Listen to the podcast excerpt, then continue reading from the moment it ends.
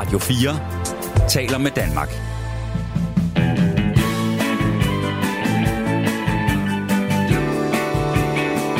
Velkommen til Only in America.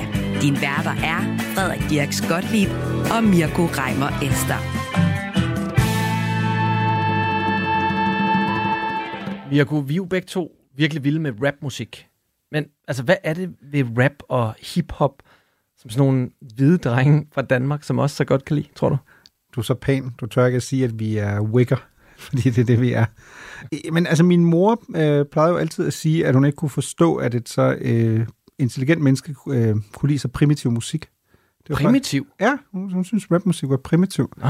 Øh, og der har jeg altid sådan, jeg har det jo sådan lige modsat, at jeg synes jo, at det, der altid sådan overrasker mig, når folk siger sådan noget, er, at øh, undskyld mig, altså det er jo kunst. Altså, kunst på meget højt niveau. Det er, jo, det er jo nogle miljøer, som er meget langt fra vores hverdag, der bliver portrætteret i det musik, vi lytter til. Jamen, jeg tror, øh, for at citere vores, øh, vores fælles ven, øh, PDB, øh, han plejer altid at sige, at øh, rap er typisk to ting. Øh, rap er enten eskapisme, altså det er en verden, du dykker ind i, som du godt ved er meget langt fra din egen verden, og hvor du heller ikke nødvendigvis altid skal tage alt bogstaveligt, hvad der bliver talt om, fordi igen, det er jo også den kunstart. Eller, som man siger, øh, rap er relaterbar. Og jeg tror, i forhold til det, vi skal tale om i dag, så rammer lige præcis øh, ind i krydsfeltet mellem de to ting, at det ikke er relaterbart for dig og mig, men det er fascinerende, men for rigtig mange mennesker, der øh, bor i USA, og især i øh, New York City, er det ufatteligt relaterbart.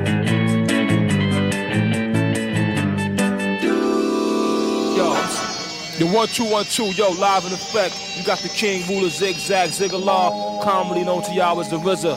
For 30 år siden udkom et af de mest ikoniske hiphop-albums nogensinde. Up from the 36 chambers. Et stilskabende mesterværk, som er umuligt at komme udenom, hvis man skal tale indflydelsesrige musikalbums fra 90'erne.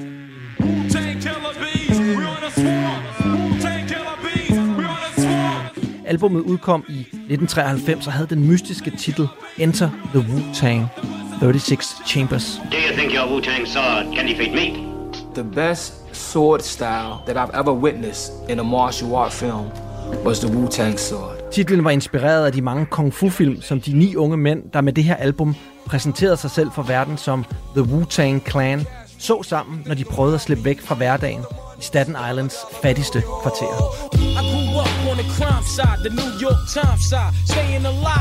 job. Staten Island er jo på mange måder den ukendte bydel i New York. Mange har været med den lokale færge til den lille ø for at se frihedsgudinden. Men de færreste turister bliver længere, end at de kan tage den første færge tilbage til Manhattan igen. De fleste af Wu-Tang Clans medlemmer kommer fra Staten Island ghettoerne, Park Hill og Stapleton. You live in these environments and you know you broke, but it don't matter because everybody else around you in the same fucking situation. Områder præget af enorm fattigdom og racisme mod sorte amerikanere. When I used to go to PS 13, you know, I, I don't know, I could have been like nine, ten years old, and I used to remember riding under this bridge trestle, and they used to say, kill all niggas, you know, KKK. Det er derfor en næsten ufattelig historie, at de ni medlemmer fra en af alle tiders største rapgrupper skulle få denne her livslange succes. En succes, som i den grad stadig ses i dag, hvor rapgruppen afholder koncert i Royal Arena i København. Men hvordan lykkedes det de unge sorte mænd fra ghettoen at få så stor succes? Hvad siger deres historie om mulighederne i USA? Og om unge sorte amerikaners generelle vilkår? Og hvad ved vi om Staten Island, den forglemte bydel, som Wu-Tang selv ynder at beskrive den som? Velkommen til Only in America. Frederik, øh, hvem er Wu-Tang? Det, er jo- det er jo ikke sådan noget, du bestiller på din lokale asiatiske restaurant. Nej, nej, Wu- Wu-Tang er jo en, en rapgruppe, og det ved du jo også godt. Nu spørger du selvfølgelig lidt, øh, du koketterer lidt derovre, ikke? Men øhm, ja. Wu-Tang Clan er jo den her legendariske rapgruppe fra, øh, fra Staten Island, består af ni medlemmer. Øh, vi kan godt prøve at gennemgå de her ni, ni medlemmer, måske bare lige nævne, hvad de hedder. De har nogle ret specielle navne Det er alle nogle sammen. episke navne. Det- Episke det. navne, ikke? Og de er jo selvfølgelig rapper, alle, alle ni, men altså, The RZA, the Juzza, Old Dirty Bastard, Inspector Deck, Raekwon the Chef, You Guard, Ghostface Killer, and the me det er jo RZA, Jazza, Ghostface Killer, Raekwon, You God, Inspector Deck, Method Man, Master Killer og Old Dirty Bastard. Det er altså de ni medlemmer, som i øh, omkring 1992 begynder at gå og indspille demoer sammen. De er på det her tidspunkt stort set alle sammen indrulleret i kriminalitet. Øh, størstedelen af dem kommer fra, fra Staten Island, de to ghettoer, Park Hill og Stapleton. Faktisk rivaler, fordi de her, to, de her kvarterer, som, som har nogle store ghettobygninger, øh, bekrigede hinanden på det her tidspunkt ude i, øh, Staten Island. Og øh, et par af medlemmerne kommer så over fra, fra Brooklyn, øh, en af de mere kendte bydele i, øh, i New York. Men de på det her tidspunkt sælger stoffer og er i skyderier og det ene og det andet. The majority of people I grew up with was drug dealers now. Everybody was selling crack. Typical work there, get up 5 o'clock in the morning. We get our little sandwich, which was a little pastrami and Swiss. They go around the corner, find your stash. Men ham, der kalder sig for The Resser, uh, Robert Dix er hans rigtige navn, han begynder at samle uh, de af hans venner, som han synes er bedst til at rappe. Og Robert Dix har på det her tidspunkt selv haft en, en lille rap-karriere. Blandt andet uh, lavet et nummer, der hedder Uh, I Love You, Rakim. I've got too many ladies. I've got to learn to say no. hvor de sådan prøvede at, at, at gøre ham lidt til sådan en ladies man, hvilket var helt forkert. Vi taler om en mand her, der på det her tidspunkt har øh, været tæt på at ryge otte år i fængsel for, øh, for forsøgt øh, manddrab. Øh, så det er altså en, en, en, en vild type, øh, ham her, Præcis, Robert men, men, Dix. men, men sangen bygger på, at han jo, hans tidligere kunstnernavn er Prince Rakim, ikke? Altså, det er sådan en, han skriver en hyldestsang øh, til sig selv, og det er jo sådan lidt bizart, fordi at, at RZA er jo sådan, han er jo hjernen, øh, så at sige, bag Clan. Men det her var jo også øh, Tommy Boy Records, som prøvede at køre ham ud i en retning, som denne her første elsker. Det var en form for rapmusik, der var populær på det her mm. tidspunkt. Øh, LL Cool J, sådan nogle navne var, var store på det her tidspunkt. Og man kan sige, at det, som han så skaber med Wu-Tang, er ikke noget, som verden før har set. Ikke engang tæt på. Altså den stil, som de skaber, de her ni medlemmer, og selvfølgelig med, med RZA i spidsen. RZA er også ham, der laver øh, altså instrumentalerne, beatsene til det, og det er ligesom ham, der har den store vision.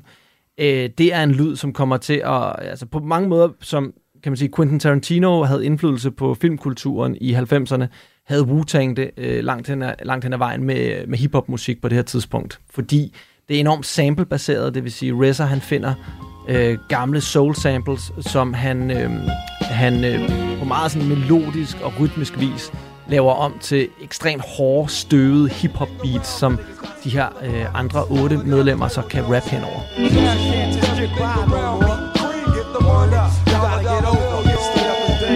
der er jo også det, der øh, med det samme gør, at, at Wu-Tang Clan jo også er meget fascinerende, at de jo med det samme opbygger en helt identitet. Ikke? Altså det ene er, at det er jo meget atypisk, at du har øh, ni gutter på én gang, ikke? der bare siger, prøv at høre, vi, vi, vi timer ligesom op sammen. Men det andet er jo, at udover at du har så mange, så har du et helt univers fra start, der som du også siger, ligesom bunder i, i, i, i kampsporten og kung fu-film, som de jo også aktivt bruger i, i deres egen musik. Shaolin shadowboxing and the Wu-Tang sword style.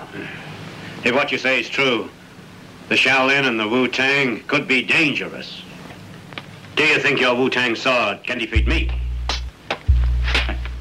On guard. Try my Wu-Tang style. Bring the motherfucking ruckus. Bring the motherfucking ruckus. Ja, ja, altså de kommer alle sammen fra sådan nogle broken homes, kan man sige, altså hvor øh, mang, mang, noget af det, der går igen ved mange af medlemmerne, er, at de har ikke rigtig nogen far, eller faren er, er stukket af hjemmefra af den ene eller den anden årsag. Øh, du har sådan en som Ghostface Killer, der har to brødre med, øh, med muskelsvind, og en mor, der er alkoholiseret, og ingen far. Life, you know what I mean? It's father split with your mother, like the regular shit. It's like, okay, mommy taking care of you. You know what I mean? After a while, mommy got, mommy got, had two kids with muscular dystrophy. You know what I mean? So that's hard on mommy. Mommy started drinking. I'm the oldest, so I gotta take care of the two brothers. You see what I'm saying? Pick them up off the toilet, put them on the toilet, put them in the bed, dress them. Me. My little body. Så han er, han er den her storebror, han er den her store mand, øh, Ghostface Killer, som øh, er nødt til at bære rundt på sine øh, småbrødre, og hvis han ikke lige er i humør til det, så ved han, at hans brødre sidder og, øh, derhjemme i lejligheden og kigger ud af vinduet hvor han render rundt og, og har det sjovt med sine venner. Så det er nogle, det er nogle, det er nogle unge mænd, der virkelig øh, har været nogle prøvelser igennem allerede helt tidligt. De er jo helt unge på det her tidspunkt, øh, nærmest teenager og start 20'erne. Og alle sammen på vej ud i, øh, i grov, grov, grov kriminalitet. Men ja, du har ret. Noget af det, som, som de elskede at gøre sammen, mange af de her gutter, det er at se øh, asiatiske kampsportsfilm sammen. Og det er også derfor, at den her plade, som nu har 30 års jubilæum lige om lidt her, øh, Enter the Wu-Tang, den øh, titlen kommer fra øh, to film. Øh, kommer fra Enter the Dragon fra øh, 1973, øh, og så kommer den fra The 36th Chamber of Shaolin fra 1978. Altså to af deres yndlingsfilm, de smelter sammen til titlen på det her, på det her øh, album. Og det er jo ikke kun, øh, kan man sige, asiatisk øh, kampsportsfilm samples og slang, de bruger. De bruger også slang for, øh, for, for deres, øh, man kan sige, deres spirituelle trosretning, The 5%, øh, Nation of Islam, som er, er, er noget af det, som, som mange af de her medlemmer, øh, en trosretning, mange af de her medlemmer øh, tror på på det her tidspunkt. The supreme mathematics, knowledge, wisdom, understanding, culture of freedom, power, refinement, equality, God, build or destroy, born, knowledge, cipher. This is the essence of the lessons we study. Knowledge is to look, listen, also respect. Wisdom is the way we keep the snakes in check. Understanding is to what? To see things clear. Culture frees the dumb, so the deaf will hear. Og, og de får bygget et sådan helt mytologisk univers op, øh, de her rapper. De er meget forskellige. De har forskellige stemmer, forskellige stilarter, forskellige måder at rime på. Og, og meget hurtigt står det klart, at her er en gruppe med altså, ni utrolig dygtige medlemmer. jeg vil jo faktisk også føre til, altså som du siger, er meget interessant, at de så jo bliver, får deres første pladekontrakt, at de jo faktisk går meget op i at sige, okay, vi laver ligesom et projekt sammen, men vi vil også gerne have frihederne til alle at kunne gå solo.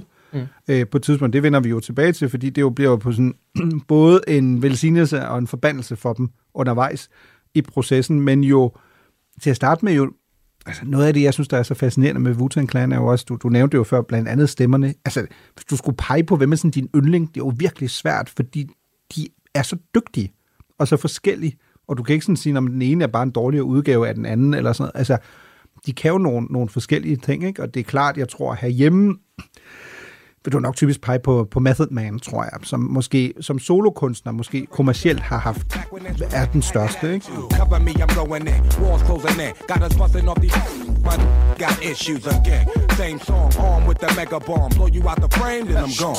Øh, Du har, du har faktisk interviewet ham på et tidspunkt. Ja, jeg har, kan man sige, mødt Method Man. Mm. Det, var, det var under coronaen, så det var, det var computerskærm. Jeg, jeg sad og havde en, en ret lang snak med ham, over en halv time faktisk, hvor han sad og havde ret sjov over mit, uh, mit mellemnavn, Dirks. Dirks, sagde han. Ja, Dirks, I like that, I like that.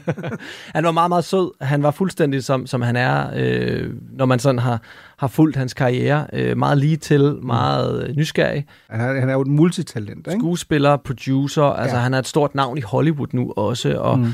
øh, var jo altid på en eller anden måde breakout-stjerne i, øh, i Wu-Tang, og var den første til også at få sin, sin soloplade udgivet på Def Jam, som var jo det helt store Mm. label på det her tidspunkt, og det var det, der var så unikt. De fik en aftale som Wu-Tang Clan, hvor de kunne udgive plader under det navn, men de måtte godt gå ud og få ja, de her individuelle solokontrakter med andre pladeselskaber.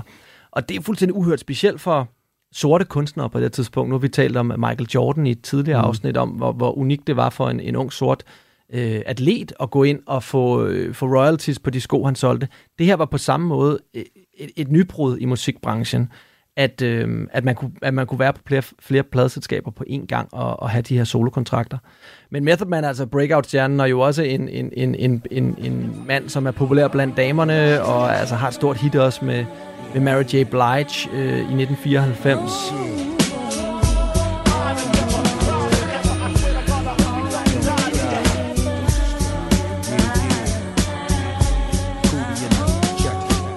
derefter kan man sige, der er det, øhm, der er det Old Dirty Bastard, en vild karakter også, mm. som, som, som går hen og får, øh, får stor solo-succes, og bliver sådan en MTV-darling i, øh, i MTV's øh, storhedstid, fordi han altid har noget skørt at sige og gøre. I went and bought me an outfit today that costed a lot of money today. You know what I mean? Because I figured that Wu-Tang was going to win.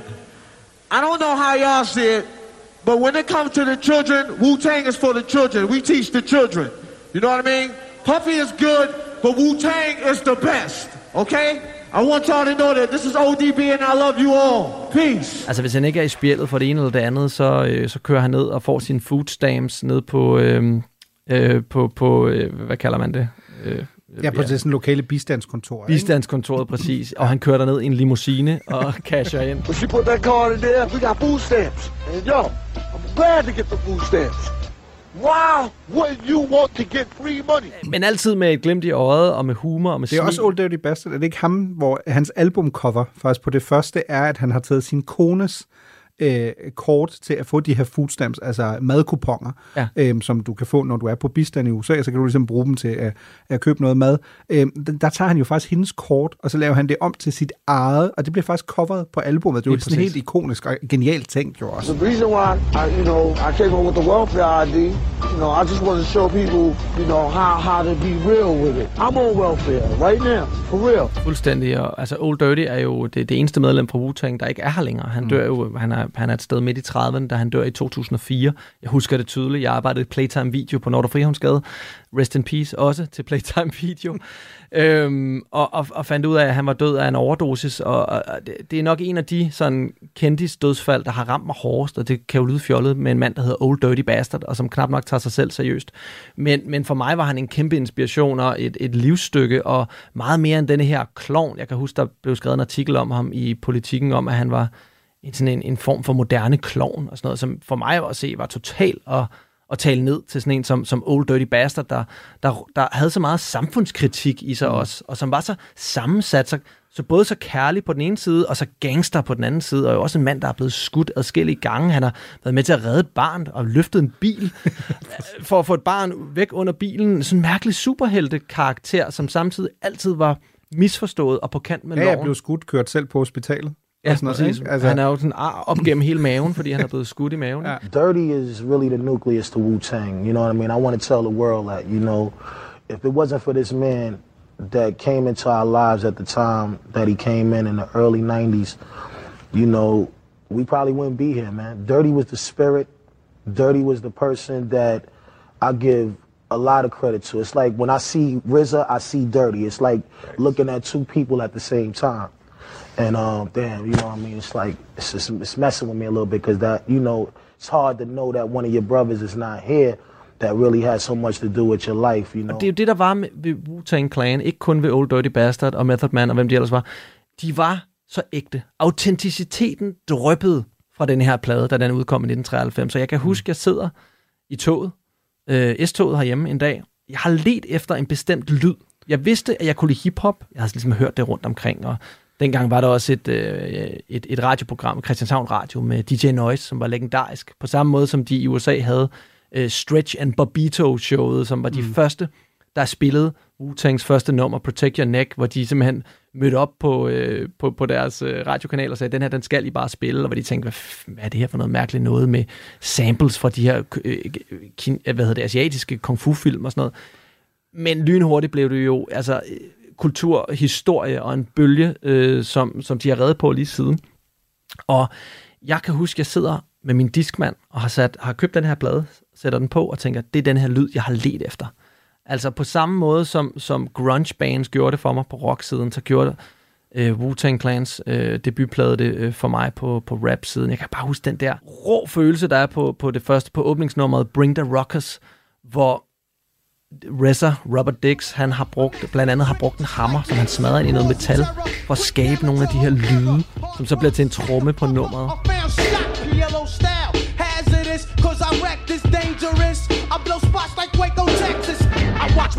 Det er så hårdt, det er så langt fra en knægt, en hvid knægt fra Østerbro, som det overhovedet Mm. kan være. Men det er det, der fascinerer mig på det her tidspunkt. Det er meget sjovt, fordi min indgang til, til Wu-Tang er faktisk baglæns. Altså, så jeg kommer først ind ved at lytte til Method Man, og kommer så på den måde ligesom tilbage til, når han er en del af Wu-Tang. Og jeg tror sådan, det første rigtige Wu-Tang-nummer, jeg faktisk elsker, er, er Gravel Pit. Ha! Holocaust from the land of the lost. Behold the pale horse, or course. Follow me, Wu-Tang gotta be the best things in starts and Clark Wallabies. African killer. Mm. Øh, som er på, på det album, der hedder The, The V, som kommer i W. Eller W ja. Og vi er tilbage til det her med det engelske. Det, det, det er vildt nok, at jeg faktisk nogensinde har bestået engelsk i skolen, men... Øh, Men det er sjovt, for du bytter bare altid konsekvent om på den. Når noget skal udtales Wu, så siger Ja. du Wu. Og Ja. når noget skal hedde Vogue, så siger du Woke. Jamen, jeg synes også, jeg kan se et mønster, at du konsekvent vælger emner, hvor der er, hvor der er, et, hvor der er nogle af de bogstaver. Øhm, men, øh, men det er jo fra det, det er 2000, og en af grundene til, at jeg falder for den, udover det er et mega fedt nummer, synes jeg, den dag i dag, det er jo, at vi er jo stadig i en tid, hvor det især, altså du kan ikke bare sådan gå på YouTube og, og se ting, så du skal vente på, at videoen kommer på MTV, eller ja. i Tyskland var det også Viva. Øh, og den der gravel... Viva? igen. Øhm, og den der Gravel Pit video, den er jo simpelthen så grineren, altså fordi det er jo sådan en, hvor de er sådan tilbage i stenalderen, og ja. De spiller, og apropos Old Dirty, som jo på det her tidspunkt, hvis du ikke var sådan meget inde i Wu-Tang, er nærmest en form for mytisk karakter. Optræder jo ikke, fordi han sidder i fængsel, men der er ligesom et fængsel, som de har bygget, som sådan er hans, og Ja, man ser kun hans hænder, fordi de Ja, kunne ikke præcis. have ham med i videoen, fordi han faktisk var i fængsel på Ja, det præcis. tidspunkt. Ikke? De fleste havde jo fået deres fængselstid ud af kroppen, inden at de fik den store Ja. succes. De har næsten alle sammen været i spjældet for det ene, andet og det tredje. Mm. Men Old Dirty, han, han, han kunne ikke rigtig, han kunne ikke holde sig i skinnet. Han var for, han var for, øh, for fri et, øh, mm. en type på en eller anden måde til at... Ja. Jo, og det er jo sådan noget, noget af det, jeg synes, der var meget interessant i forbindelse med det her program, var, at øh, som sædvanligt øh, har jeg selvfølgelig ikke set noget som helst, øh, og du havde set det hele, så du fik jo anbefalet mig, at jeg skulle se den dokumentar, der hedder Of Mics and Men, som jeg Mm. tror er fra 2019, ligger på Viaplay, i sådan fire timer lang, øh, fire afsnit, og den er jo sindssygt fascinerende, fordi man blandt andet får et helt andet syn på Old Dirty Bastard, og, og tænker, okay, du havde virkelig meget på hjertet. Øh, han har jo efterladt sig, øh, hvis du går ind på Wikipedia, så står der 7 eller 13 børn. det er lidt uvist. Øh, Ja. Jeg tror, vi kan være ret sikre på, at det er 13, øh, og ikke 7, fordi han i dokumentaren selv siger, da han kommer ud fra fængslet. Jeg prøver at høre, jeg bliver simpelthen nødt til at få en solokære i gang nu. Jeg har otte børn, jeg bliver nødt til at betale noget, noget børnebidrag her. Jeg bliver simpelthen nødt til at tjene nogle penge. Mm. Men jeg synes, man får et andet syn øh, på ham, når man faktisk ser den. Ligesom man jo også bare altså får et meget dybere indblik i, altså hvor fascinerende, og som du også sagde før, autentisk, altså Wu-Tang Clan er, fordi du virkelig har nogen, der repræsenterer og beskriver det område, de har øh, fra, samtidig med, at de jo på hver deres måde har formået at, at bryde ud af det, øh, fordi det ligesom er gået så strålende for dem musikalsk, ikke? ja, lige præcis. Du lytter til Only in America på Radio 4. Jeg skal lige vise dig en, en, en bog, jeg har stående her. Det er min Wu-Tang Manual. Det er din bibel. Det er min bibel. Jeg var så besat af den her rapgruppe øhm, op gennem 90'erne og 0'erne. Og stadigvæk den dag i dag er, er, det, er, det, er det en af de musikgrupper, som, som jeg nørder mest, og som jeg aldrig bliver træt af, og stadigvæk kan, kan lytte til deres katalog At, at musik er så bredt og så forskelligartet, at, øh, at man kan bare blive ved og ved og ved med at grave i det. Og det er igen det her med den her opbygning af mytologi, som, som, som især Resser selvfølgelig, men jo alle, alle de her karakterer øh, og- medlemmer af gruppen har, øh, har været med til at skabe, er så, er så fascinerende. Men, men det er jo ikke kun en historie, altså dagens afsnit handler jo ikke kun om, om Wu-Tang specifikt, det handler jo også om alt det, som de repræsenterer. Og, øh, og den bydel, som de repræsenterer, som jo er det, som de selv beskriver som The Forgotten Borough, altså den, den, den forglemte bydel øh, i New York, fordi alle har jo hørt om, om øh, Manhattan og Brooklyn osv. osv., men de færreste ved ret meget om Staten Island, hvor, hvor stort set alle medlemmerne kommer fra, og hvor, hvor de har deres første pladestudie, og hvor, hvor magien på en eller anden måde opstår. Og vi kender heller ikke ret mange andre musikere, der kommer fra Staten Island, men Mirko... Christina Aguilera øh, skal vi, Det er skal vi lige hylde her øh, for en kort stund.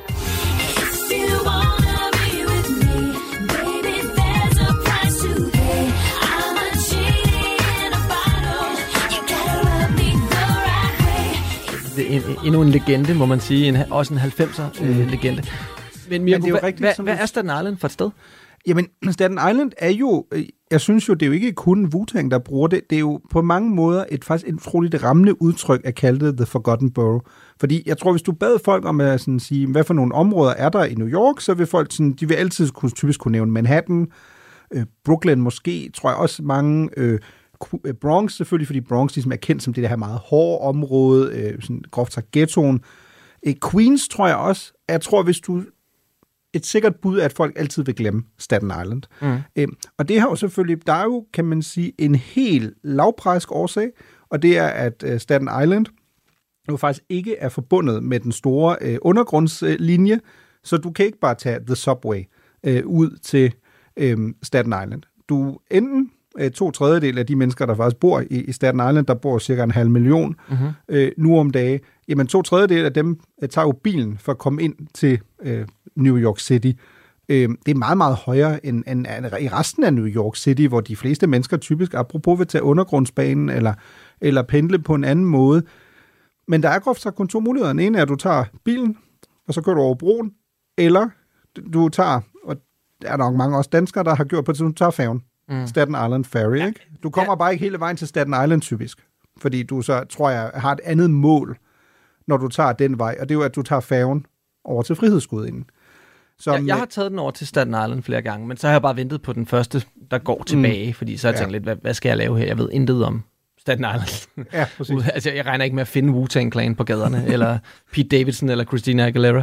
Men, men, øhm, men ja, jeg tror, de fleste har prøvet at tage færgen derover, og så tænkte, det var da meget fint, fordi så kunne vi sejle forbi Frihedsgudinden, og det er sjovt at prøve en lokal færge. Øh, og det der med, at de bruger færgen som en form for bus, det er sådan lidt eksotisk, ikke? Men det er også det.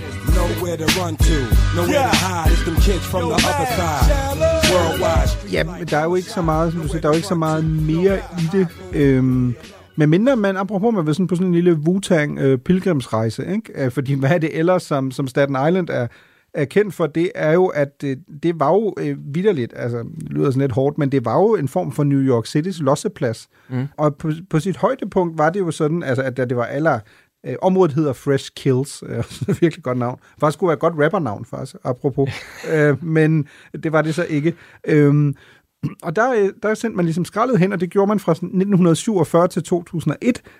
Og på sit højeste, der modtog øh, Fresh Kills på, på Staten Island 29.000 ton skrald om dagen. Øh, og det, der også giver det sådan en yderligere New York-krølle, er, at sidste gang, at man så faktisk sendte skrald øh, fra, kan man sige, i situationstegn, ikke fastlandet, men fra sådan, The Four Boroughs og så over til Staten Island, det var faktisk fra Manhattan. Det var murbrokker fra World Trade Center øh, efter øh, terrorangrebene i, i 2001. Mm-hmm. Nu har man så ligesom fundet en anden løsning. Nu sender man det andre steder i USA hen, så kan de glæde sig over New Yorkernes skrald. Og nu er de i gang med at, at bygge en gigantisk park, fordi Staten Island er jo faktisk en meget grøn del af New York City. Mm. Øh, meget grønnere end, end resten af, af byen for den sags skyld. Og når den er færdig, den første del af Nordparken har åbnet her for et par år siden, 2021, men når den er færdig, øh, jeg tror om sådan små 15 år, så kommer den til at være tre gange så stor som Central Park som jo ellers er sådan et klassisk, Som er ikonisk, ja, præcis som er både er kæmpe, men som også er sådan et meget ikonisk sted, ikke? Man, man typisk vil, vil tage hen. Øh. Men det, er jo- det er jo også det er jo også en bydel. Altså, jeg har altid forestillet mig, at den, den er sådan lidt New Yorks Amager på en eller anden måde. Ikke? Den er lidt afskærmet. Jeg kan huske, Ghostface Killer har sagt i et interview, at når man render og laver kriminalitet, eller hvad, hvad man nu øh, laver, når man kommer fra de her fattige boligkvarterer, jamen så er det et ret uhyggeligt sted at være, fordi der er ikke nogen steder, du kan løbe hen for at undslippe øh, de der folk, som potentielt kunne være efter dig Mhm. øh, med, med pistoler, eller hvad de nu har med. Og øh, at, at inde på, øh, på, på, på, på fastlandet, eller hvad vi skal kalde det, det, det der i København vil minde om, om Nørrebro, Vesterbro, altså øh, Manhattan og Bronx og Queens, der kunne, du alt, der kunne du gemme dig. Der var mange mennesker, der var mange steder at tage hen, hvis, hvis mm. du havde problemer med nogen derude. Der var du nødt til at, øh, at stå ansigt til ansigt med, med, med, med dine problemer. Og i øvrigt er det jo også et, et sjovt sted. Det er jo et forholdsvis republikansk sted i, i, i New York. Staten is the, the most racist, like, to me, I think out of all the boroughs. Det er det mest republikanske Mest sted i, New, i New York City. Um, altså, det er det eneste af de her fem boroughs, uh, der stemte på Trump i, i både 16 og Øh, uh, 2016 og 2020. I øh, 2016 var der 82 procent af, af dem, der stemte i, øh, i, på Staten Island, der, der stemte på, på Trump. Og det er jo også en anden historie, der er en dybt fascinerende, at det er sådan en... Jeg ved selvfølgelig ikke, om når du siger, sammenligner det med Amager, om det er ros, eller ris eller ros. Det, det er begge dele. Altså, Ja. Amager er jo både et skønt sted, men det er jo også et sted, jeg kan huske, når man tog der til, da man var lidt yngre. Hvis man kom for langt ud, så kunne man godt være sådan lidt, wow, jeg har meget Mm. langt hjem lige pludselig. Ikke? Ja. og, og jeg tror jo, at så, som så mange andre steder, altså apropos selvfølgelig, øhm, Amager har jo, som du også siger, selvfølgelig forandret sig meget. Øhm, jeg, jeg har boet der tidligere og var meget glad for det, øh, mest fordi man, øh, der var sådan nogle gode kebabsteder, måske, måske derfor, men altså Staten Island for eksempel, har jo fået, fået fordoblet sit indbyggertal, altså bare fra 1960 til, til 2000 bliver indbyggertallet fordoblet, ikke? Øh, relativt øh, god altså en samfundsøkonomisk udvikling, øh, især inden for byggesektoren. Nu om dage. Men jeg vil så også sige, apropos i forhold til det her med, at du er sådan lidt afskilt fra, fra resten af landet, altså 40 procent af New York City's brandmænd bor på Staten Island, så jeg tænker, at hvis broen en dag går i stykker, så kan du godt have et problem. Og brandmænd som Pete Davidson, den meget, meget kendte komiker, som også mm. er fra Staten Island, ville kalde for øh, yderst racistiske brandmænd. Don't get me wrong, I know Staten Island isn't all heroin and racist cops, you know? It also has meth and racist firefighters. Ja, altså Pete, Pete Davidson, som jo, jeg tror i sådan den brede offentlighed i USA primært er blevet kendt igennem, at han jo har været en del af det her øh, meget store og berømte øh, satireprogram, der hedder Saturday Night Live, som bliver sendt øh, fra øh, New York. Øhm, han kommer fra Staten Island, han har jo sagt en del øh, ikke så pæne ting om øh, Staten Island. Han har blandt andet beskrevet Staten Island som a bunch of Trump-supporting fucking jerk-offs. Fuck them. Øh, og så sagde han efter, at Hurricane Sandy jo øh, for sm- små 10 år siden i 2011-2012 ramt øh, blandt andet øh, New York, så sagde han, at Hurricane Sandy should have finished the job. Altså bare have smadret Staten Island. Øh, Staten Island totalt. Så der er jo ikke, det er ikke så mærkeligt, at en øh, person, der på den måde er så negativ over for Staten Island, og blandt andet har sagt, at it's the herpes of the five boroughs, Ah. at han ikke er sådan øh, super populær øh, på Staten Island. Men noget af det, som, som det jo også taler ind i, det her med, at der er mange Trump-supportere, der er, øh, det, det, det er et meget republikansk sted, han snakker om racistiske brandmænd osv., osv., er jo også noget af det, som, som flere medlemmer fra Wu-Tang Clan har talt om, nemlig at opleve ekstrem racisme ude i det her primært hvide sted, Don't get caught in Rosebank. They'll, they'll fuck you up in Rosebank. hvor, hvor flere af de her medlemmer jo altså så vokser op i, i sorte ghettoer, så de får på en eller anden måde det værste fra begge verdener. De får en, en, en, en, en hård ghetto, hvor der bliver solgt crack, og hvor folk har en ekstrem lav indkomst. Og udenom det, der er det altså bare øh, altså et af de mest racistiske områder i, øh, i hele New York. Hvem ved, måske i USA, men i hvert fald i New York, øh, som de så også øh, skal deal med. Og de beskriver jo den her dokumentar, uh, Wu-Tang Clan of Mikes and Men, hvordan at uh, man bliver råbt af på gaden, hvis man mm. går i det for, forkerte kvarter. Calling you nigger, get the fuck out of here, I'ma kill you nigger. Throwing shit at you, bottles busting in the street, you nine. Eller decideret for tæsk af, hvad Raekwon, en af Wu-Tang-medlemmerne, beskriver som nogle utrolig hårde italiensk-amerikanske fyre. Mm. You know, cause back then, you know, Italian white boys, they tough. They grew up like fucking Richie Cunningham and all them niggas, the Fonz. Coming to school with leathers on, with no shirt under. You know, bold motherfuckers like Grease, like, you know, those type of dudes, you know what I mean? Og han beskriver dem som sådan grease-agtige, altså bare overkrop med læderjakker ud over, som, som altså virkelig kan slå fra sig og giver, og giver på munden, hvis man øh, får bevæget sig det forkerte sted hen. Og det skal man jo også huske, det skal jo ikke ret langt, øh, langt tilbage før, at øh, de italienske amerikanere jo også var en marginaliseret gruppe, ikke? som knap nok blev betragtet som som hvide amerikanere.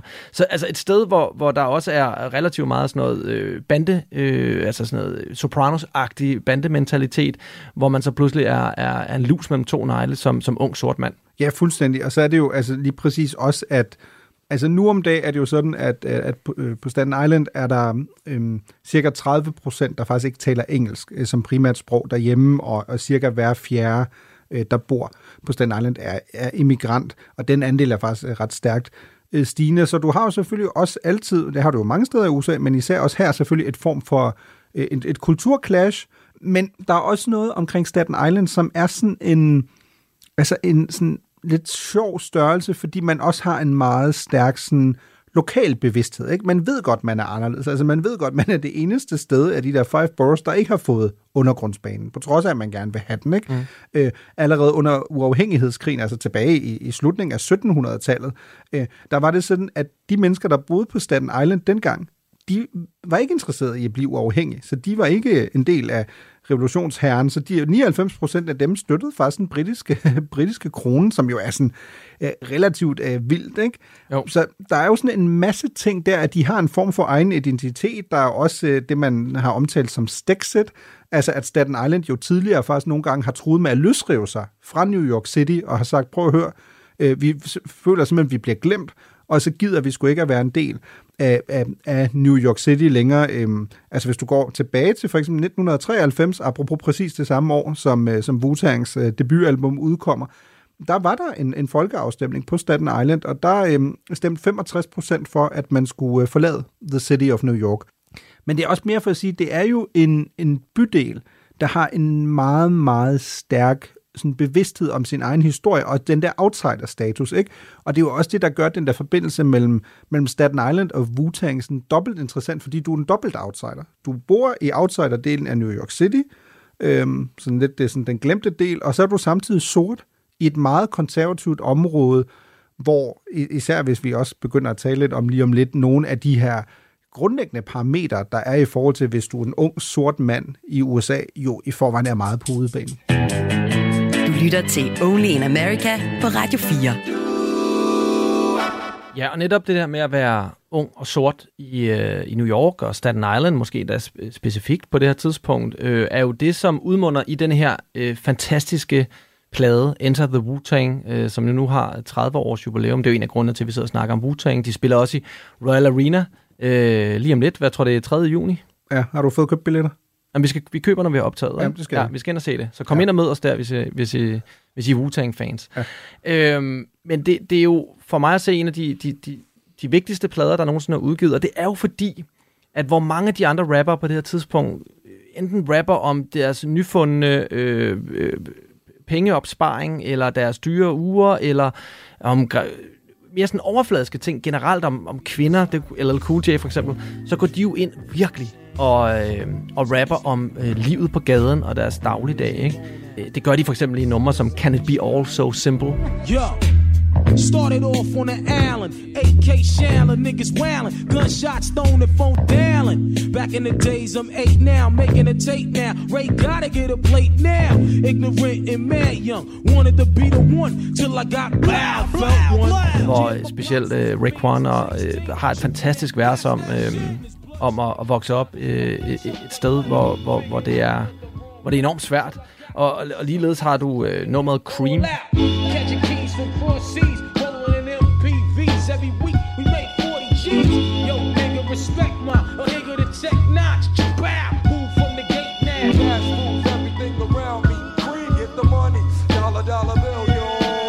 Som står for Cash Rules Everything Around Me.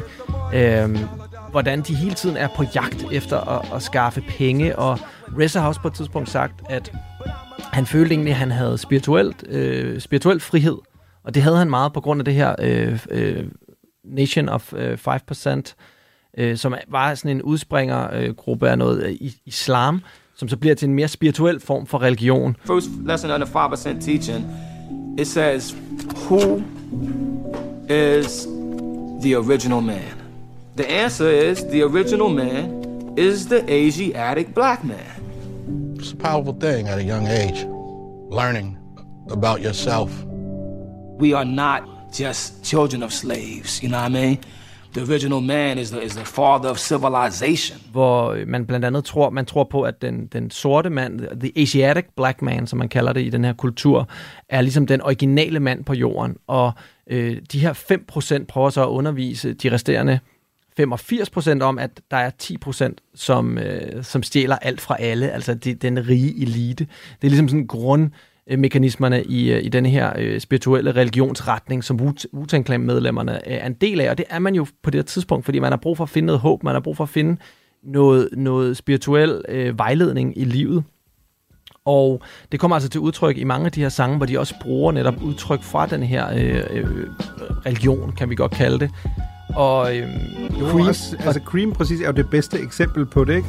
Cream was a word in a neighborhood that was used for money. You know what I mean? You know, it was like for anybody that's hungry and starving, everybody feel like if you got a sandwich, you, you work for something, you know what I mean? Jo, genialt, men jo ikke engang fundet på af, af Wu-Tang selv, fordi historien bag Cream er jo det præcis, at jeg tror, det er Method Man, der jo lærer udtrykket ved, at han, øh, han har en ven, der sidder i fængsel, mm. der bruger det og fortæller ham, at man har, han bruger ligesom det her udtryk, ikke? og så overtager øh, Wu-Tang det.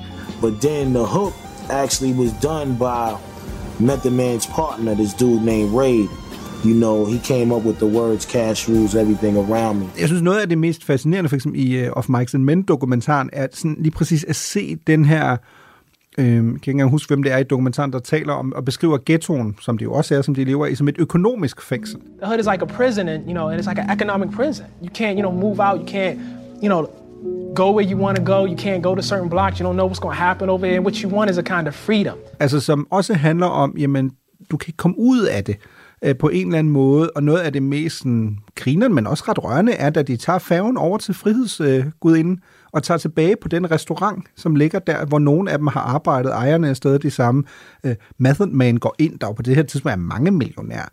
Og sådan, man kan tydeligt mærke, at det betyder meget for mig at sige, prøv at høre, det her var det fedeste job, jeg nogensinde havde. Bedste tid i mit liv, selvom Ja, at jeg var fattig og Ja, han, han, han, solgte crack på gaden. Præcis, og han, han havde jo et job som sådan oprydder. Ja.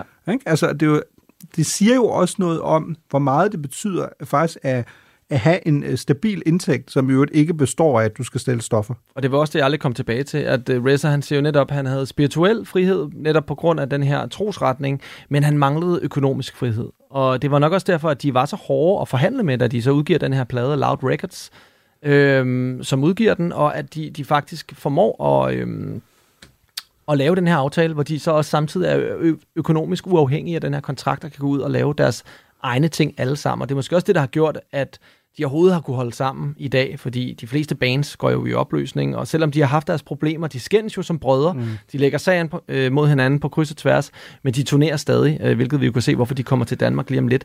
Men det er jo ikke øh, tilfældigt heller, at deres øh, tekster er så øh, gadetunge, eller hvad man skal sige, altså handler så meget om, om livet på gaden, ikke? fordi Reza, øh, som står for Rakim Zigzag Zig Allah, igen sådan et øh, 5% Nation navn, som øh, Zigzag Zig er fordi, at han var ved at komme i ballade, han var ved at ryge ind øh, 8 år for, øh, for manddrab, kommer så ud af det igen, han zigzagger ud af det, og finder så øh, Allah, altså finder øh, en bedre vej i livet. Øh, ligeledes øh, Jesser, der, der også går under navnet Allah Justice, øh, er også i problemer på det her tidspunkt. Ghostface bliver skudt i nakken, øh, i, og, og øh, altså har bøf med alle øh, på det her tidspunkt, og er virkelig en hård hund. YouGod ryger i fængsel for salg af stoffer. Er, er det sådan noget, man siger, hvis man er, hvis man er street? Siger man så bøf? Man siger ikke beef? Eller er det, fordi du ikke vil have, at Jarl Kortua bliver sur, så du tør simpelthen ikke at bruge det? Det er til ære for Jarl, 100 procent. Okay, jeg tænker, når han siger bøf. kun okay. derfor. Men har bøf? Okay, ja. Øh, æresmedlemmet Capadonna, han kommer ud af spjældet på det her tidspunkt også og begynder at optage med dem, og øh, Inspector Dex bror bliver skudt i maven, Inspector Dex selv ryger i fængsel for at sælge stoffer til en undercover-betjent, Method Man sælger stoffer sammen med YouGod på det tidspunkt, arbejder altså også i frihedsgudinden, ikke? ODB render og laver alle mulige sindssyge ting. Rick Warren sælger også stoffer. Altså, Master Masterkiller fortæller om, hvordan hans far bare forsvinder. Hans far, som var hans et og alt, den soulsyngende far, der kommer hjem fra gaden, hvor han er så glad, når faren kommer hjem, han er ved at falde ud af vinduet, og en dag der er faren bare smuttet. Og det er så hjerteskærende, når han fortæller mm. om det. Og, øhm, og, det, og det der så, det, det er jo det, man kan mærke. Det er alt det hjerteblod. Det er alt det ægthed, der skinner igennem på den her fuldstændig episke plade. Og vil jeg også sige, selvom de har udgivet mange gode plader siden, specielt solopladerne er højt niveau i starten, men som, som, som et kollektiv gruppe, der når de for mig at se aldrig op på de her højder igen. Øhm, fordi at de jo begynder at tjene penge, og de begynder at, at, at, at optage på en anden måde. På det tidspunkt sad de også i studiet sammen og konkurrerede om at le- levere de mm. bedste lyrikker øh, og tekster. Nej, men de siger jo lige præcis, de siger jo selv, at, at da du rammer sådan slut 90'erne, start 0'erne, så så ender de det der sted, hvor det faktisk, fordi de alle sammen er så optaget af at få deres solokager op at køre, øh, heller ikke helt sådan gider at følge den plan, som, som RZA, deres genius, jo havde lagt, at han havde jo detaljerede planer for, så skal han ud, og så ham, og så det næste album bliver det her, og dødt, dødt, dødt, dødt. Øhm, og der siger de jo også selv, men det er der, det bliver et arbejde, ikke? Mm. Altså, og det, det er klart, at i det øjeblik, du skal lave øh, kunst, og det bliver et arbejde, hvor du groft sammen mødes og stempler ind, øh, som om du skulle arbejde på en fabrik. Eller Og de begynder jo også at signe alle mulige andre kunstnere, som, som kommer ind under RZA's Wu-Tang øh, pladselskab. Ja, og på det her tidspunkt bliver RZA jo også chefen for dem alle sammen, kan man sige, og det kommer der jo også nogle, øh, nogle spændinger. Men de er jo ikke alene om at være, være unge, fattige, so, fattige sorte mænd på det her tidspunkt, og slet ikke i Staten Island og i New York generelt. Hvad, hvad, hvad er det, der sker? Hvor, hvor, altså, er det virkelig korrekt forstået, at, at unge sorte mænd i særdeleshed er mere udsatte, øh, når det kommer til sådan en social klasse? Men de siger jo, jeg synes, en af de fedeste replikker faktisk i dokumentaren er jo, at de siger, at øh, så fik de gennembruddet, og så siger Method Man, og så blev der født en masse børn. It's like, yo, the money came in, it's like, yo. A lot of kids were born. Happy days. Yeah, a lot of kids was born. You could do what the fuck you want to do. It was like, yo. at, jeg vil så sige, jeg, jeg gjorde det jo lige omvendt faktisk. Øhm, ja, det, det var ja. måske ikke så smart. Men, øh, men de får ligesom gennembrud, og så er der rigtig mange børn. og det er jo, hvis du kigger på det ordnet set, måske faktisk et meget klogt valg at gøre, fordi at øh, man jo, hvis man kigger på statistikken, ender et meget kedeligt sted. Øh, især hvis man kigger på specielt øh, unge øh, sorte mænd. Det er som sådan, måske, det kan godt være, det faktisk er blevet mere kontroversielt at sige nu om dagen, øh, fordi det hele er blevet så betændt, også racemæssigt i USA. Men for eksempel, da Barack Obama, altså sort præsident, i tale sat jo regelmæssigt, mm. øh, hvor hårdt det var, at øh, og hvor stort et problem det var, at så mange sorte fædre var MIA, missing in action. But if we're honest with ourselves, we'll admit that too many fathers are also missing. Too many fathers are MIA. Too many fathers are AWOL. Missing from too many lives and too many homes. They've abandoned their responsibilities They're acting like boys instead of men. Og nu skal vi selvfølgelig heller ikke generalisere for meget, men det nævner flere af medlemmerne fra Wu-Tang jo også i denne her dokumentar, øh, som man kan se på Viaplay of Mike's and Men, at, at de havde ikke noget, nogen far, altså, da de voksede op. Nej, fordi altså, man kan sige, hvis du kigger på tallene, så er det, der er nogle det er relativt slående, hvor, hvor stor forskellen er. Altså for det første, hvis du kigger på, at øh, hvis der er tale om egentlige forældre, øh, så er cirka 80 procent det er møder, øh, og 20 procent er, er fædre. Men hvis du kigger på øh, blandt, blandt sorte amerikanere, så vil øh, andelen af fædre faktisk kun være 10 procent. Altså enlige fædre er 90 procent. Øh, møder... Og det, er det hele New York eller hele USA? Det er hele USA, ja. det her. Hvor wu er vel sådan et, et sådan lille mikrokosmos af den succeshistorie, der også kan komme ud af det, men hvis vi kigger specifikt øh, på, på sorte øh, mænd i USA, så er de der statistikker er jo så grumme, ikke? Øhm, altså lad os, bare, øh, lad os bare tage nogle af dem øh, i forhold til det, vi også har talt om her, at øh, der var en undersøgelse for nogle år siden, der viste, at øh, øh, mænd eller drenge, sorte drenge i alderen mellem 15 og 34 år, øh, udgør faktisk kun 2% af den amerikanske befolkning, men øh, udgør 37% af dem, der er blevet dræbt af skudvåben mm. i et givet år. Ikke? Altså fuldstændig overrepræsenteret øh, i statistikkerne. Øh, vi ved jo også, at det oftest er sådan, at det er sorte, der dræber sorte øh, i USA, og der er vi jo igen tilbage til, til ghettoen og dynamikkerne, ikke? Um, jo, der er jo tydeligvis et strukturelt problem her. Ja, lige præcis. Øh, og så kan man altid, lige præcis, det er jo den politiske debat i USA, hvor konservative ofte vil sige, jamen det er fordi familierne, strukturen er brudt sammen, det er fordi der ikke er en mand, det er fordi så råder du dig ud i kriminalitet. Øh, venstrefløjen har mere en tendens til at sige, nej, det handler faktisk om, at øh, USA grundlæggende altid har været et racistisk samfund, øh, hvilket jo åbenlyst er et faktum, øh, raceadskillelse, borgerkrig, snæveri osv., men også i dag, som du også siger, har nogle underliggende strukturer, der gør, stadig gør, at du markant øh, øh, bagud. Altså bare for at sætte det her øh, tal lige før i perspektiv med, at øh, 2% af, af den amerikanske befolkning, sorte mænd mellem 15 og 34, øh, 37% af, udgør 37% af dem, der er blevet dræbt af skudvåben. Øh, det tal er 20 gange højere end for hvide i samme aldersgruppe 15 til 34. Ikke? Altså det er jo... Jim Jarmusch, øh, filminstruktøren, som har arbejdet sammen med RZA, og som er stor Wu-Tang-fan, han har jo også selv sagt, at han mener, at de lever i en form for apartheid i USA. I don't care what anyone says. This is like apartheid. And uh, oppressed people on any level in the world, in the history of humans, you cannot destroy the strength of ideas. And the Wu-Tang celebrate that. They are warriors of the imagination, and the power of the imagination is far stronger than guns or money.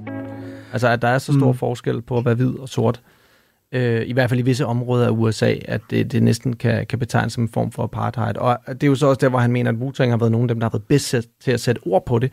Og måske er det heller ikke så mærkeligt, at man havner et sted som 5% Nation of Islam, og øh, hvor, hvor man har et meget kritisk syn på, på hvide mennesker.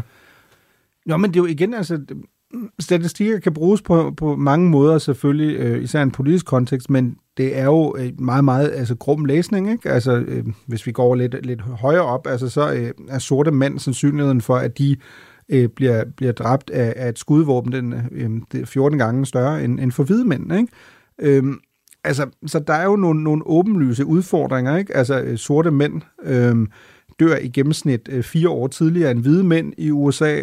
Øh, de er fuldstændig overrepræsenteret, også apropos, i, i, når det kommer til, hvem der sidder i fængsel. Øhm, altså, der er vi jo også et sted, hvor at sorte mænd udgør cirka 6% af den amerikanske befolkning, men de står for 32% af alle indsatte, der sidder i amerikanske fængsler. Og, og det er jo også en helt snak i sig selv, vi kan dykke ned i et andet afsnit, fordi det er der jo også en masse strukturelle grunde til. Altså man har jo ikke gjort det nemt øh, for folk at være fattig og, og være sort, og, og øh, der er hele den der three, three strikes and you're out øh, Ja, politik, som man indførte i USA, ikke? hvor du kunne altså jo have stjålet lidt ned hos købmanden, og hvis du gjorde, lavede nogle småforbrydelser tre gange, så røg du øh, i fængsel i rigtig, rigtig lang tid, og det jo Præcis. noget af det, vi så, der skete med mange øh, sorte amerikanere i en periode. Ja, præcis. Jeg tror, det er sådan en snak, vi skal tage et andet program, fordi den er, den er selvfølgelig både deprimerende, men også meget interessant, fordi der er selvfølgelig forskere, øh, som der ligger til venstre for midten i USA, der siger, at, at det, man egentlig har gjort med, at der er så mange sorte, der sidder i fængsel, kalder de The New Jim Crow, altså den tid i USA, du havde med raceadskillelse osv., at de siger, at du har også opbygget et form for nærmest kastesystem der, øh, fordi vi jo ved, vi har jo masser af statistik på, at sandsynligheden for, at hvis du og jeg blev stoppet for en forbrydelse øh, på Staten Island, øh, og Method Man og Raekwon gjorde, så er sandsynligheden for, at de får en hårdere straf, end også meget, meget stor. Ikke? På trods af, at vi måske begge to solgte narko eller sådan nogle ting. Altså, der er simpelthen forskel. Jeg kan slet ikke forestille mig det scenarie, men jeg forstår, Nej. hvad du mener. Nej, men det, det kan du vel godt, fordi du har jo, du har jo mødt nærmest halvdelen af Wu-Tang Clan. Måske ikke halvdelen, men altså, du har jo mødt en af dem i København af alle steder. Det er jo sindssygt. Et, ja, jeg har mødt RZA. Altså, mit, måske, måske, en af de, måske den person, der ville kunne gøre mig mest starstruck i hele verden. Altså, øh, mit forbillede nærmest, ikke? Øh, møder jeg jo inde ved Nørreport station en dag, helt tilfældigt. Jeg skal ind og se Wu-Tang dagen efter, så jeg er ikke så overrasket over at se, at han er i København, men jeg kommer gående med en ven, og jeg begynder bare at råbe til ham sådan, RZA, RZA, Så prøver jeg sådan at sige til min kammerat, ikke? og han er sådan, undskyld, hvad siger du? Har fået noget galt i halsen? Men da vi kommer tættere på, kan han jo godt se, han ved ikke så meget om Wu-Tang, men han ved meget om film, kan han jo godt se, at det er, øh, det, det er Reza fra blandt andet American Gangster, en film, han medvirker i. Reza har jo været med i mange Hollywood-filmer også, ligesom Method Man har. Men vi bevæger os tættere og tættere på, på den her høje, høje mand, der står her med, en, med sin kone, meget smuk kone, og jeg tror, der har været 4, 5, 6 børn, eller sådan noget. Øhm, og de stopper os. Altså en ting er, at jeg går forbi Reza på gaden, men så stopper han mig, og faktisk er det hans kone, der stopper mig. Og jeg er fuldstændig lamslået. Her står den her mand, jeg har lyttet til hele mit liv, som jeg aldrig havde troet, jeg skulle møde, og slet ikke på i Københavns gader. Og det, hun spørger mig om, det er, do you know where the Steno Apotek is at? Altså, hvor ligger Steno-apoteket, vil hun gerne vide, fordi at øh, de skal have noget medicin til, til et af deres børn, som, som var syg. Og og jeg begynder jo at stamme, og jeg får, får jo også så dirigeret dem hen til Steno, Steno-apoteket, og jeg skulle jo egentlig, jeg skulle bare fulgt den derhen, så havde jeg fået meget mere tid Mhm. med RZA. Og jeg sagde også til ham, jeg kommer og ser jer i morgen. Øhm, de skulle spille til det, der hed Vanguard Festival. Og så sagde han til mig, All the generals will be there. Bong, bong. Han har jo en meget ikonisk måde at tale på. det betyder altså, at alle de ni medlemmer ville være der. Og ganske rigtigt dagen efter, alle de ni medlemmer var der. Og det er jo det, man aldrig helt ved med Wu-Tang. Dukker der fire op, eller kommer alle ni medlemmer? Øhm, og på det her tidspunkt, der, der kom alle ni medlemmer. Det er jo så fordi, at Capadonna har overtaget fra Old Dirty Bastard. Men et vildt øjeblik for mig at øh, opleve øh, mine, min yndlings hiphop persona i, i København. Du har ikke mødt nogen af dem, vel? Nej. Hvad vil, hvis nu du skulle være med i Wu-Tang, Mirko? Oh, du har jo emnet, ikke? som det hvide indslag, ja. Som det, det, det, tror hvide, vi det eneste hvide godt. medlem af Wu-Tang Clan, ja, hvor ja. man lige vender W'et om en gang, ikke? Ligesom Method Man jo gør i hans grafik. Øh, Mm. hvad, hvad skulle dit uh, Wu-Tang-navn så være? Det, er- altså, det er et svært spørgsmål. Det, det, hvad skal være? Jeg skal tænke over det. Hvad skulle dit være? Ah, de bruger jo meget sådan, altså ja, mit efternavn er jo Gottlieb, ikke? Ja. Og de bruger jo meget det der med God. De kalder Ja. hinanden for, for, for, for Gud. Ja. Øhm, så det er måske bare God, lip. Ja, den, den er nem, ja. Fordi jeg havde, jeg havde sådan tænkt Gottlieb the Chef, men jeg tror, jeg Raekwon var blevet. Det er jo bare, altså, det ville jo være mærkeligt, hvis der var to, øh, to medlemmer i Wu-Tang, der, der Ja. hed The Chef som, som, som kaldenavn. Ja, præcis. Det, det, Prøv at, det er også derfor, det, det er godt, vi ikke er rapper. Jeg tror, vi har slet ikke evnerne til at finde på så kreative navne som, som uh, Wu-Tang-medlemmerne, hvor de jo i øvrigt alle sammen har to, tre, fire forskellige øh, navne, de går under alle sammen. Det er, ja, det er en meget forvirrende øh, øh, gruppe at blive, blive fan af. Jeg forstår godt, øh, hvis, hvis nogle lytterne derude også er lidt forvirret. Øh, men det, altså, det er altså ikke mere... Øh, svært at forstå. En, en, en, det er en af de mest ikoniske rapgrupper, altså fra Staten jeg Island Jeg har fundet mit wu Nå, har du? Ja, Merc McDirt. Jeg tror, ODB vil selvfølgelig blive sur, fordi det Altså var en del igen, af igen går du jo ind og tager ja, Dirt McGurts øh, ja. idé, ikke? Ja. Jeg tror... Jeg tror, ODB vil ikke være så glad, men han er jo død, så man kan sige, han kan ikke brokke sig. Nej, men øh, jeg men, tror, de andre, de andre ærer hans minde. Jeg, jeg tror heller ikke, jeg vil være sådan en stor succes til den her koncert, hvis, øh, hvis jeg kom ind som det hvide indslag, jeg sagde, jeg jo lige havde øh, lavet mig meget kraftigt inspirere øh, øh, et tidligere Wu-Tang. Øh, det er jo som Steve-O fra Jackass, der var ved at få tæv på scenen af Wu-Tang, fordi at han ville... Øh, han ville øh, ære øh, Old Dirty Bastard ved at, at råbe og skrige og, øh, og, og te sig helt vildt, fordi det var det, Old Dirty Bastard var kendt mm. for. Det, det faldt ikke i, i god jord. Der var han altså tæt på at få, få pryl foran hele publikummet. Øh, jo en gruppe, der er kendt for ikke at være bange for at, heller at slå fra sig, eller øh, gå i clinch med andre rappere, og måske mm. fordi de havde hele Staten Island i ryggen, fordi der jo ikke rigtig var andre kendte rappere fra Staten Island, så var de de sidste, man havde lyst til at lægge sig ud med, og derfor skal vi måske bare gå ud på øh, Wu-Tang Clan, ain't nothing fuck with. Tak fordi I lyttede med. Det her det har været Only in America, og I kan selvfølgelig gå tilbage i vores bagkatalog og finde andre programmer om amerikanske fænomener.